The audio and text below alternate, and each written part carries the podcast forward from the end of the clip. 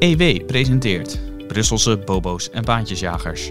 De EU-politiek feitelijk, kritisch en onafhankelijk geduid door Jelte Wiersma, onze correspondent in Brussel. Net als in veel andere Europese steden was het geweld in het Midden-Oosten ook in Brussel het gesprek van de afgelopen week. De meeste regeringsleiders van de EU-landen wilden een gezamenlijke verklaring afgeven over de raketaanvallen van Hamas en de Israëlische reactie daarop. Maar Hongarije blokkeerde dat. Is dat kwalijk of juist goed? We bespreken het met Jelte Wiersma, onze correspondent in Brussel. Ook hebben we het weer over het inmiddels beruchte corona-herstelfonds. Een jaar nadat de Franse president Macron en de Duitse bondskanselier Merkel hun plan presenteerden, zijn veel EU-landen nog steeds sceptisch. In veel nationale parlementen groeit het ongemak. Hoe nu verder? Tot slot aandacht voor een waarschuwing vanuit Duitsland. Volgens politieke Duitse kopstukken gaat het geldbeleid van de Europese Unie helemaal de verkeerde kant op. Waarom?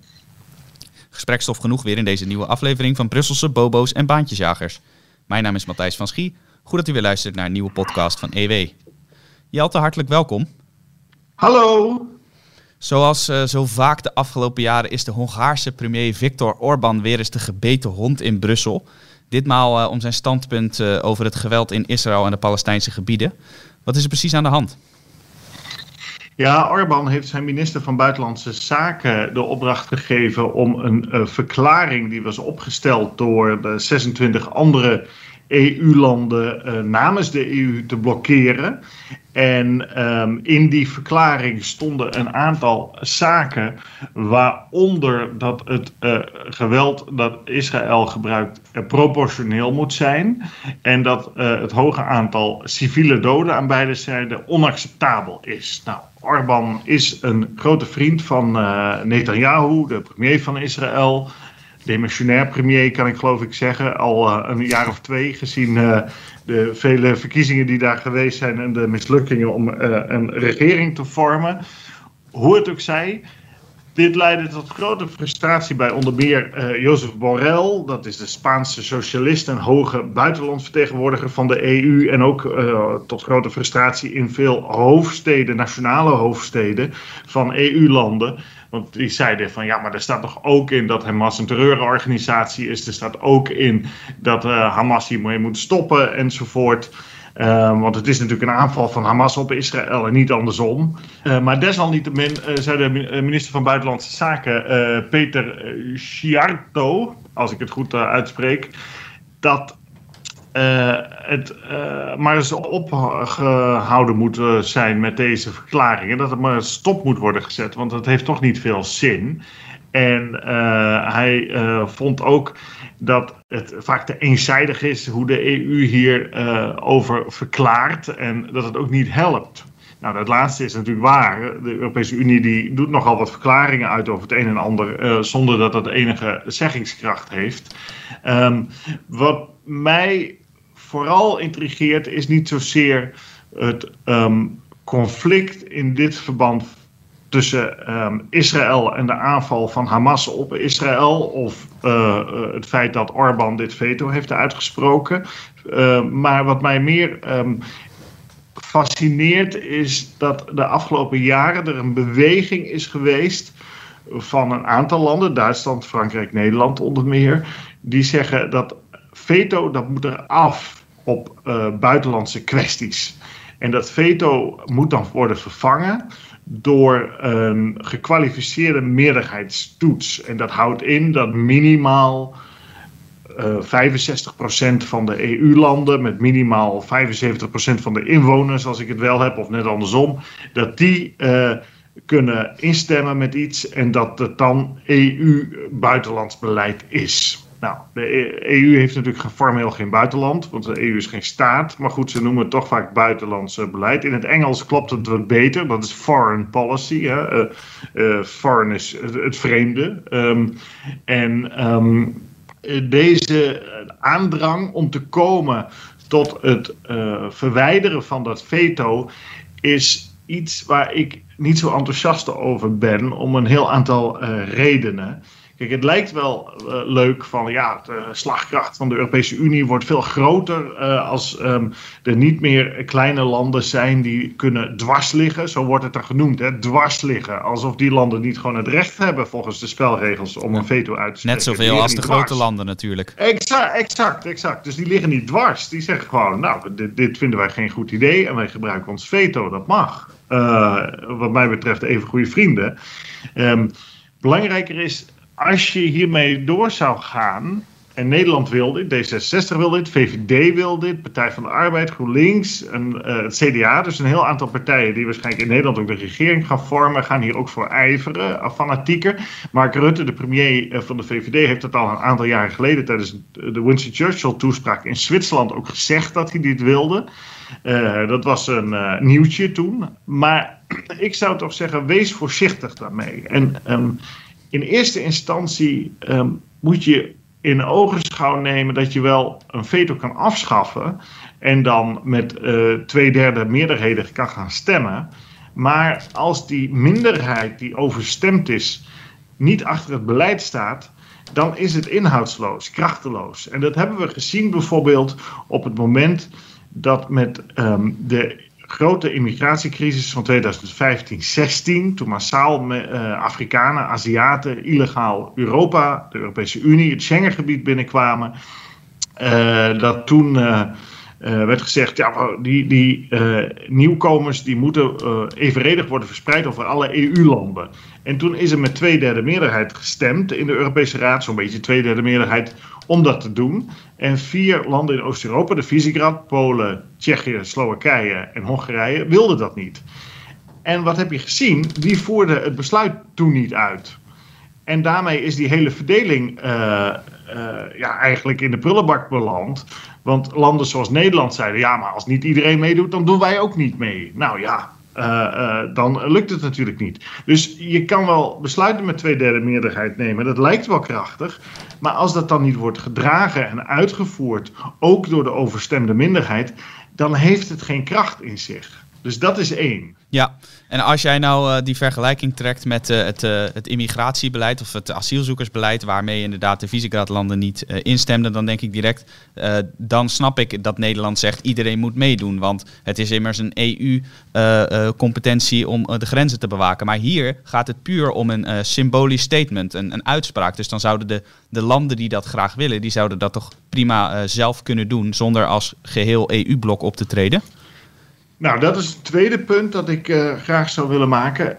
De EU-landen hebben individueel alle mogelijkheden om het geweld uh, door Hamas tegen Israël te veroordelen. En um, Israël, mochten zij dat willen, op te roepen om uh, voorzichtig te opereren in de defensie van hun land. Um, ze kunnen ook bijvoorbeeld maatregelen nemen door subsidies stop te zetten naar de Palestijnse autoriteit. We weten allemaal dat de Palestijnse autoriteit zwaar gesubsidieerd wordt door de Europese Unie en door de verschillende EU-landen. Nou, die verschillende EU-landen kunnen gewoon nationaal besluiten.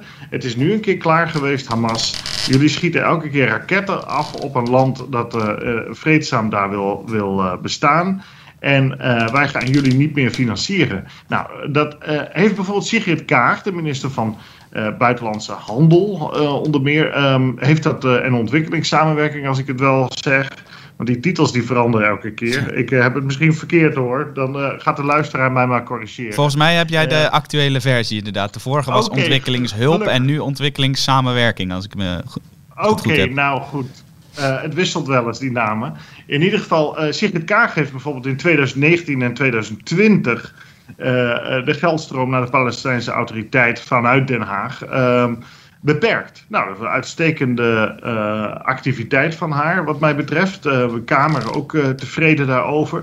Dus er zijn vele instrumenten die nationale overheden hebben om serieuze actie te ondernemen. Dus niet alleen maar met een verklaring te komen, maar iets te doen waardoor Hamas verzwakt wordt.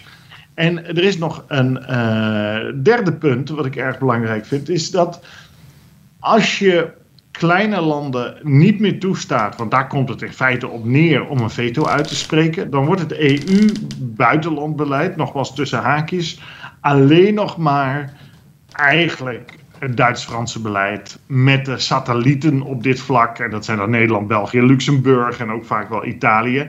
Terwijl er zijn uh, ook rechten, zou ik zeggen, voor, voor, voor Cyprus, voor Estland, voor Litouwen. Die hebben ook belangen. En ehm, je bent zo sterk als je zwakste schakel. En je moet, wat mij betreft, daar een beetje voorzichtig mee omgaan en niet over die landen heen walsen. Ehm, want wa wat heb je dan nog aan een Europese Unie? Dan uh, zeg je eigenlijk van ja, het is een uh, Duits-Frans imperium en uh, Berlijn en Parijs bepalen. En dat lijkt mij juist tegen de geest ingaan van wat de Europese Unie altijd wil zijn. Ja, een, een, unie van gelijken, hè? dat is altijd de slogan die wordt gebruikt. Nou ja, dan moet je dat ook waarmaken natuurlijk. Ja, in die zin is het natuurlijk extra opvallend dat juist uh, Nederland, uh, ondanks dat het vaak pretendeert een heel grote speler te zijn, ook een klein land, dat Nederland zelf voor het afschaffen van dat veto is. Want je zou zeggen, uh, als Nederland als klein land ook een stem wil hebben, dan zouden ze juist voor dat veto moeten zijn. Wa waarom is dat zo, denk je, dat Nederland daar zoveel ijvert? Nou, kijk, je ziet dat er wel een, een soort coalitie is in Noordwest-Europa, inclusief Frankrijk natuurlijk, en ook wel vaak Italië, Spanje, die het eens zijn over een heel aantal kwesties. En um, uh, Orbán speelt, um, uh, en sowieso de Visegrad, die spelen toch vaak een beetje buitenbeentje wat dat betreft. Dus het is een, een poging om Oost-Europa uit te sluiten. Um, en dat lijkt me onverstandig, want die, daar zijn conservatievere stemmen leidend. Um, uh, maar waarom niet? Waarom niet? In dat multi-etnische, multiculturele, uh, multinationale uh, Europa, in die Europese Unie. Waarom zou dat niet mogen? Waarom mogen die, die dissidenten stemmen? Worden dat dan ook wel genoemd? Hoezo dissidenten? Gewoon een andere opvatting. Dat kan toch? Je zou toch zeggen, als je voor diversiteit bent, dan ben je voor dat veto. Nou, dat lijkt mij ook. Dat lijkt mij ook. En het, het belang van kleine landen wordt beschermd. Je hebt het gezien vorig jaar.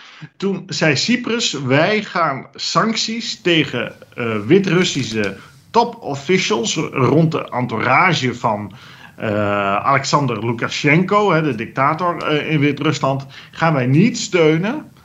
En daarmee spraken ze een veto uit. Als de Europese Unie niet een hardere toon aan gaat slaan tegenover Turkije. En uh, Cyprus had een groot belang daarbij, want Turkije uh, schond de territoriale wateren van Cyprus. Uh, voer daar met schepen rond om naar gas en olie te gaan zoeken en te boren. En Cyprus zei: Ja, sorry, maar wij staan hier helemaal alleen als klein eilandje. Want het is natuurlijk maar een deel van het eiland Cyprus dat lid is van de EU. Het noordelijke deel is natuurlijk door de Turken ingenomen.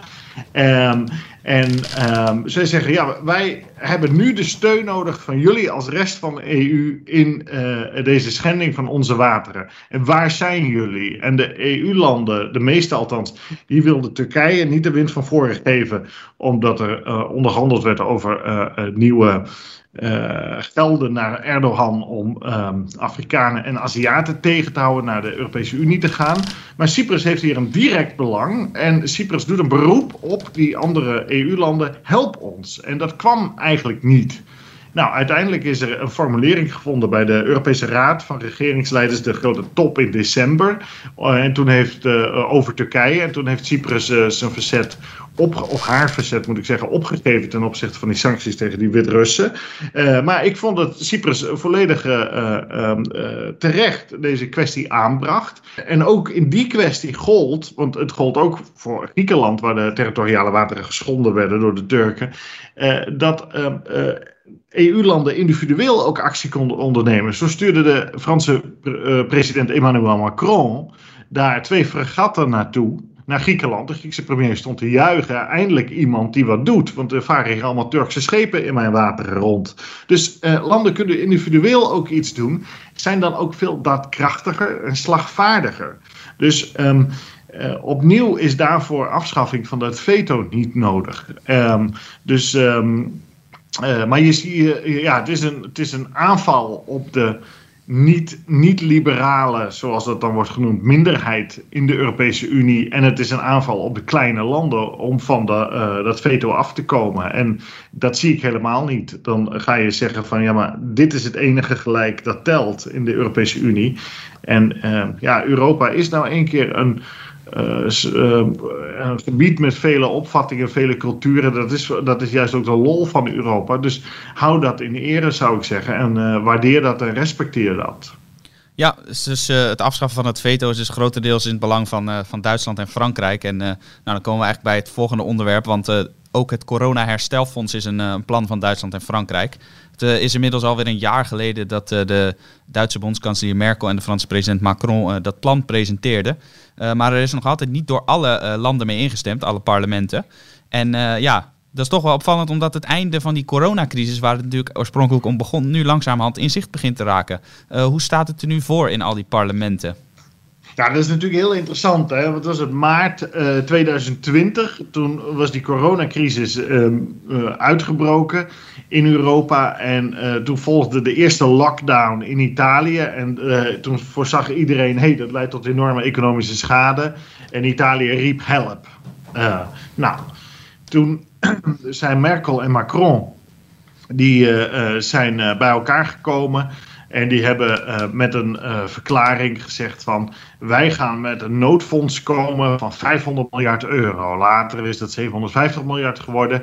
En dat presenteerden zij als volgt met um, uh, een videoverbinding. Merkel vanuit Berlijn met een Duitse vlag, Europese vlag op de achtergrond. En Macron vanuit Parijs met de Franse en de Europese vlag op de achtergrond. En uh, toen zeiden ze, nou dit gaan we doen. Nou, dan als Frankrijk en Duitsland iets willen, dan uh, gebeurt het. Maar waarom gebeurde dat? Duitsland wilde dat natuurlijk helemaal niet. Die wil helemaal niet die transfers, want dan komt het op neer naar Zuid- en Oost-Europa. Op deze wijze. Angela Merkel is onder druk gezet door de financiële uh, sector. de financiële sector zegt: ja, Italië staat er nu zo slecht voor. Dat was al zo, maar met die lockdown wordt het nog veel minder. Wij gaan geen Italiaanse staatsobligaties meer kopen. Nou, dat zou betekenen dat Italië um, ja, op enig moment simpelweg niet meer kan betalen. Want dan, gaat, dan spuit de rente op Italiaanse staatsobligaties omhoog. En dan krijg je wanbetaling, zoals dat heet. Um, nou, dat wilde zij niet. Want Merkel zegt altijd: uh, scheitert de euro, dan scheitert Europa. Nou, dus hè, faalt de euro, dan, dan faalt Europa. Dus zij heeft die twee onlosmakelijk aan elkaar verbonden. Nou, dat weten de Italianen ook. Dus die kunnen haar altijd het pistool op, de, op het hoofd zetten via de financiële markten. Van uh, ja, je moet, uh, Italië moet altijd uh, extra geld hebben. Um, en dat is de achtergrond. Dus. Um, nou, nu zijn we dus anderhalf jaar verder. En dat corona-herstelfonds, dat heet in het, in het Engels de Recovery and Resilience Fund. Uh, maar um, ja, inmiddels is er zoveel geld door de Europese Centrale Bank in de economie gepompt. Is er zoveel geld door nationale overheden in de economie gepompt. Dat de meeste economieën staan ongeveer weer op het niveau van uh, voorjaar vorig jaar. Um, en daar komt uh, ook nog bij dat uh, de vooruitzichten natuurlijk helemaal niet zo slecht meer zijn. Uh, mede daardoor. De beurzen staan heel hoog. Dus um, dat corona-herstelfonds, ja, dat heeft eigenlijk niks met corona te maken. En dat heeft ook niks meer met herstel te maken. Dat, dus uh, we zijn, en dat gebeurt natuurlijk heel vaak bij EU-integratie, um, door een rookgordijn als burgers op het verkeerde voet gezet. En in plaats van dat ze nou eens eerlijk vertellen wat, wat er aan de hand is, dat de financiële markt Italië niet meer willen financieren uh, um, en dat Italië nou eens moet gaan hervormen. Nee, er wordt er een nieuw instrument ingezet. meer effectief, want daar komt het op neer, Duits en Nederlands geld naar de Europese Unie. En um, iedereen beslist daarover. Iedereen beslist waar dat geld naartoe gaat. Nou, dan weet je dat het vooral naar Zuid- en Oost-Europa gaat. En dat gebeurt ook. Er zijn van het corona-herstelfonds maar acht landen die um, netto betalen. En de andere uh, nu moet ik even snel rekenen, 19 die ontvangen uh, netto geld uit het corona-herstelfonds. Dus het is een enorme vermeen, ver, gemeenschappelijking van schulden. En transfer naar Oost- en Zuid-Europa. Het gaat volledig in tegen de Europese verdragen. Het is eigenlijk illegaal. De, de Europese verdragen schrijven voor: dit mag niet. Maar het gebeurt wel. Dus um, nou, die. die uh, realiteit heeft mij ertoe gebracht om er toch nog maar een keer een verhaal over te schrijven. En dat neer te zetten voor de lezer. van dit is er aan de hand. En ja, uiteindelijk komt het erop neer. Zo wordt u bedonderd. Ik uh, vind het niet leuk om te zeggen, maar het, het, is wel zo. Ja, nee, ja, we hebben het er vaak over gehad en het is ook nodig omdat het om zoveel geld gaat en om zo'n grote stap. Maar uh, het, je hebt gelijk, het stuk dat je noemt, dat uh, verschijnt binnenkort in het weekblad, maar is nu al online te vinden. ook te vinden in de beschrijving van deze podcast, uiteraard. En in dat stuk schrijf jij, zet je eigenlijk op een rij hoe het er nu voor staat in de parlementen waar ze nog niet hebben ingestemd met dit fonds. En jij zegt in die parlementen waar er nog over gedebatteerd wordt, uh, begint langzamerhand uh, door te dringen waarom Merkel en Macron dat fonds nou eigenlijk uh, willen. Nou, dat heb je net uitgelegd. Welke parlementen zijn dat nou, als we ze even afgaan?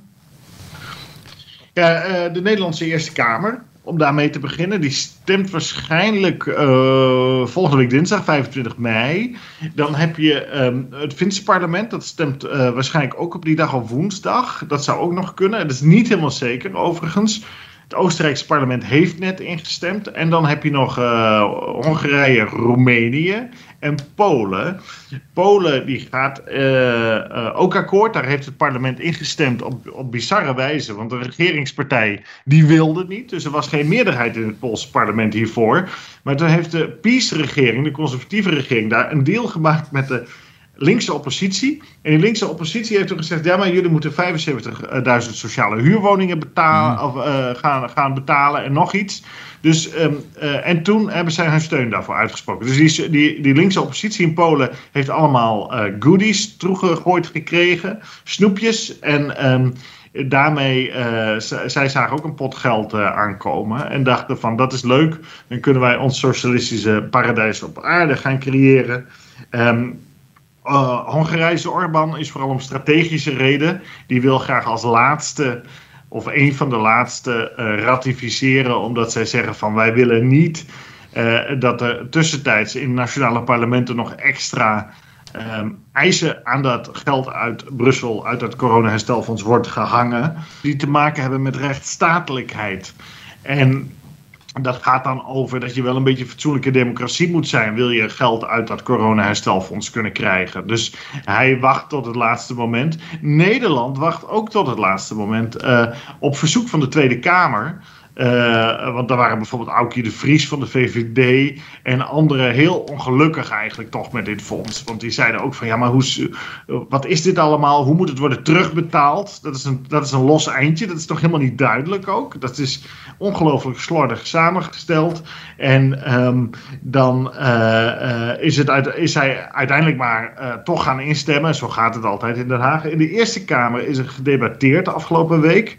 En dus zei uh, de woordvoerder uh, op dit gebied van de VVD, de, de grootste regeringspartij natuurlijk, de partij van de premier, Mark Rutte, die dit heeft uitonderhandeld van, ja, dit is toch wel een beetje ongemakkelijk allemaal. En um, die zitten er ook niet lekker in. En die verwezen ook nog eens naar de Duitse Algemene Rekenkamer, die gehakt heeft gemaakt van het coronaherstelfonds, de Duitse uh, het Duitse grondwettelijk hof, dat ook grote vraagtekens heeft en dat nog een soort definitief vonnis in het najaar moet vellen. En die wilde eigenlijk dat vonnis gaan afwachten. Uh, nou, dan zijn we dus al in het najaar, dan is de coronacrisis waarschijnlijk helemaal voorbij. Dus um, uh, er is ongemak. Langzamerhand is binnengedruppeld in de hoofden van nationale parlementsleden, ook bij hen die heel erg enthousiast zijn over EU-integratie, dat het eigenlijk een rommeltje is. Dat het verkocht is onder uh, valse voorwenselen, dit coronaherstelfonds. Dat de financiering aan alle kanten rammelt. Dat het een financiering is aan regeringen uh, in Zuid-Europa die er uh, economisch met opzet een potje van maken, omdat ze weten dat er toch wel geld uit Noord-Europa komt. Dat Oost-Europa, waar een aantal landen op het gebied van rechtsstatelijkheid toch uh, behoorlijk uh, wankels zijn. Miljarden weer krijgen toegestopt om het feestje daar te laten doorgaan. Zij krijgen al heel veel geld. Polen 10 miljard per jaar. Dat is toch niet mis, zou ik zeggen. Um, en dat een land als Nederland 20 miljard moet inleggen. Dus in Finland, dat was het meest spannend eigenlijk. in Finland is er voor het eerst sinds 1994 weer gedebatteerd met de grondwet in de hand die dat ook uh, bij, erbij is gepakt toen zij uh, toetraden tot de Europese Unie. Van is dit wel mogelijk volgens onze grondwet? En uh, er zijn allerlei filibusters zelfs ingezet. Ja, dat is inderdaad heel uh, opvallend. Uh, dat uh, bewijst maar weer wat voor een grote stap ratificering van dit herstelfonds is. er was in Finland een parlementslid dat sprak meer dan acht uur. Die begon telefoonboeken voor te lezen. het, het, grondwettelijk hof van Finland, nou, dat hebben ze niet helemaal, maar ze hebben een soort grondwettelijke commissie. Die was er ook ongemakkelijk mee. maar uiteindelijk is Finland toch wel ingestemd. Maar de verwachting is nu dat dat gaat leiden tot een enorme verkiezingsoverwinning bij de aanstaande gemeenteraadsverkiezingen daar van de ware Finnen. Hè, de, de tweede partij in het land. Uh, en oppositiepartij. En dat zij de grootste gaan worden. Zij staan al heel lang als grootste in de peilingen. En in Finland zijn de slapende honden wakker gemaakt. Met de smeltende sneeuw zijn zij daar uit hun iglo's gekropen. Zeg Zo. ik even plagen. en uh, zeggen zij nu ook van, wat, mama, wat is dit nou? Dus in Finland was het echt vuurwerk. Uh, nou ja, we gaan uh, zien. Het zal allemaal wel doorgaan, dat corona-herstelfonds inmiddels, vrees ik. En dan is er weer een onvoldragen, ondoordacht EU-plan bij ons door de bus geschoven. En dan moeten we het maar slikken. Ja, ja, de een is wat sneller dan de ander. Jij zegt het eigenlijk al een jaar lang. En uh, nu begint het ook in uh, nationale parlementen uh, te dagen. Verschil moeten zijn wat dat betreft. Maar als... Het duurt wel eens even voordat ze door ja, hebben. Hè? Precies. Nou, als ze er net zo lang over doen om te bepalen of ze gaan instemmen. als dat ze überhaupt erover zijn gaan debatteren. dan, dan komt het er misschien helemaal nooit van. Maar we, ja, we, bl we, blijven het in ieder geval volgen. Ehm, het ongemak dat blijft, uh, zoals je ook in jouw commentaar schrijft. Commentaar dat dus te vinden is in de beschrijving van deze podcast. Hey, uh, laten we dan tot slot nog eventjes hebben over jouw uh, vaste rubriek in Brussel voor het komende nummer. Dat dus nog moet verschijnen, maar we blikken er hier alvast eventjes op vooruit wat erin staat. want het gaat ook over ongemak, over geld en dan in dit geval van prominente Duitse politici. want zij waarschuwden de afgelopen week in de grote Duitse krant de Süddeutsche Zeitung uh, voor grootschalige ontwrichting van de samenleving. Dat is heel ferme taal. Uh, waar doelen ze dan precies op? Ja, dan bedoelen ze um, de geldpolitiek, zoals de Duitsers dat uh, noemen, um, door de Europese Centrale Bank, door nationale regeringen en dus ook weer met het corona-herstelfonds. Zij zeggen, dit loopt helemaal uit de hand. Er wordt veel te veel geld in de economie gepompt. De nationale regeringen en de Europese Centrale Bank doen net alsof geld gratis is. Dat is het niet. En zij zeggen uh, inderdaad. Wij verwachten massieve gesellschaftliche verwervingen. Ja, in het Duits uh, klinkt het altijd uh, mooier. Ja, dan, nou ja, onrust, onrustbarend ja. klinkt het zeker in het Duits. Uh, maar dat betekent massieve um, la, ontwrichting. Dat is wat het is. Zij zeggen van, als het zo doorgaat, dan heeft het allemaal negatieve effecten. Eén, als je heel veel geld gaat uitgeven als overheid, dan geef je heel veel geld aan, aan foute economische zaken uit. Uh, dat kennen we in Nederland natuurlijk ook, dat fenomeen. Ja, hoe meer uh, geld je hebt, hoe minder zuinig je hoeft te zijn. Ja, en dan krijg je dat uh, een overheid heel veel geld in een economie gaat pompen. En dat allemaal bedrijven die eigenlijk failliet moeten blijven bestaan. Waardoor personeel werkt binnen een bedrijf dat niet rendabel is. Terwijl bedrijven die wel rendabel zijn, personeel zoeken. Dus dat, dat is een neveneffect. Ja, je houdt vast dat uh, meer mensen in de publieke sector gaan werken. Dus je onttrekt mensen aan de commerciële sector. Terwijl je daar juist veel mensen nodig hebt. En ze zeggen ook van, ja, er is een soort cultuur nu ontstaan dat de staat iedereen maar moet redden. Terwijl de markt moet zijn werk doen, uh, zijn schone, verschonende werk dat als een bedrijf niet gezond is, dat het failliet gaat. Zij zeggen er moeten geen hogere belastingen komen. Uh, voor burgers. Um, er moet uh, ruimte zijn om te ondernemen. Dat is de bron van welvaart, wat natuurlijk hartstikke waar is. En zij zeggen er komt enorme inflatie aan. En dat is hartstikke gevaarlijk. en dat geldt zeker voor Duitsland, waar maar 45% van de mensen hun eigen huis heeft. En de rest uh, heeft vooral spaargeld, huurt en heeft vaak private pensioenen. En die private pensioenbedrijven in Duitsland, die zitten zwaar in de problemen. Er staan al een stuk of twintig op omvallen, omdat die rente zo laag wordt gehouden, kunstmatig. En um, ja, dat betekent dat die mensen die daar hun pensioen gespaard hebben, dat die straks lagere of geen pensioenen meer krijgen. Dat wordt een uh, sociale catastrofe in Duitsland. En landen in Zuid-Europa, waar mensen veel meer hun geld in vastgoed hebben. De Italië daar heeft bijvoorbeeld 58% van de mensen een huis. Ehm, daar ben je mee, beter mee beschermd tegen inflatie. En um, zij zeggen het moet afgelopen zijn. En zij zeggen het moet afgelopen zijn met transfers binnen de Europese Unie. Dat mag niet volgens de, het Europese verdrag. En dat is juist. Er mogen geen bail-outs meer komen, zoals met Griekenland is gebeurd een aantal jaren geleden in de eurocrisis. Dat hoort niet. En landen moeten gedwongen kunnen worden door de Europese Unie. En dan in, in de, de uitvoerende taak de Europese Commissie om te hervormen als zij niet uh, de regels van het Groei- en Stabiliteitspact uh, volhouden. Nou, en dit zijn niet de minste die dit zeggen. Hè. Dit is Edmund Stoiber, oud-minister-president van Beieren, CSU, oud-kanselierskandidaat. dit is Peer Steinbroek, oud-minister van Financiën, SPD. Uh, zij hebben ook uh, met een heel aantal mensen uit het bedrijfsleven gesproken. Die hebben deze verklaring ook ondertekend. Van de uh, Duitse Centrale Bank, van verschillende verzekeraars, van, van banken, van verschillende stichtingen. En Sigmund Gabriel, um, de voorzitter van de SPD, heeft ook meegedebatteerd. Want in Duitsland wordt daar altijd natuurlijk maanden over gedaan, over zo'n stuk. Uh, kijk, ik tik dat even in uh, een half uurtje op uh, vanuit mijn kantoor. Maar in Duitsland. Niet iedereen is zo snel, zoals we net al constateerden.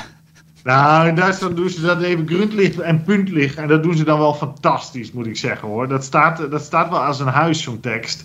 in het Duits is het ook natuurlijk in, in marmer gebeiteld. Daar kan je ook geen komma aan, aan veranderen. Dat, zo, zo stevig staat zo'n tekst er.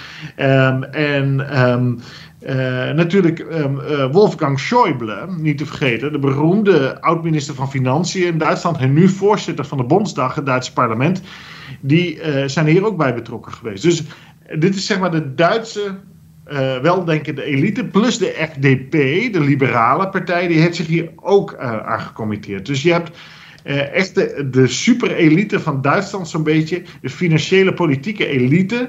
Um, Oh ja, ik moet niet vergeten Gunther Oettinger natuurlijk, de Duitse CDU, oud-minister-president ook van Baden-Württemberg. En oud-commissaris van de Europese Unie, ook een topper. Die hebben hier allemaal hun uh, handtekening onder gezet. En uh, ja, die vrezen een catastrofe. En Duitsland heeft natuurlijk de ervaring van de jaren 30 enorme inflatie. mensen met kruiwagens met bankpapier die rondliepen om een brood te kopen. En uh, ik deel hun zorg en ik ben heel blij dat ze dit uh, hebben opgeschreven. En zij roepen de Duitse bondsregering op, die na september, als de Duitse parlementsverkiezingen zijn gevormd gaan worden, om een einde te maken aan dit grote, geld, uh, grote, grote gratis geldcircus. Om er heel veel geest te gebruiken. En um, uh, weer terug te gaan naar een normale geldpolitiek. En ik kan ze daar alleen maar in steunen. Dat, uh, ook wel denk ik mensen al toch steunen. Want uh, het beangstigt mij ook hoor, wat, hoe er geopereerd wordt. En dat is in Den Haag ook zo. De miljarden worden met, met, met, met bakken door het opengehouden raam naar buiten gegooid in Den Haag. het onderwijs 8 miljard.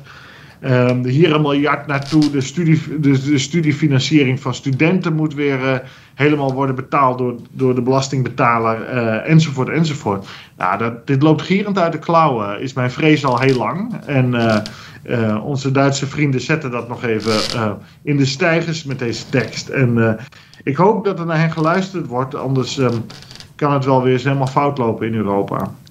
Ja, nou, wat dat betreft uh, onheilspellende woorden, maar toch uh, gloort er dan hoop als uh, toch niet de minste Duitsers deze oproep doen in de krant. we gaan kijken inderdaad of de nieuw te vormen regering die in september wordt gekozen, zoals jij zei, of die dit advies gaat opvolgen. Blijven we aandachtig volgen. Natuurlijk de Duitse verkiezingen in het bijzonder. maar alles rondom de monetaire politiek van de EU. Het komt allemaal aan bod in deze podcast. die nu weer ten einde is gekomen, Jelte. Hartelijk dank.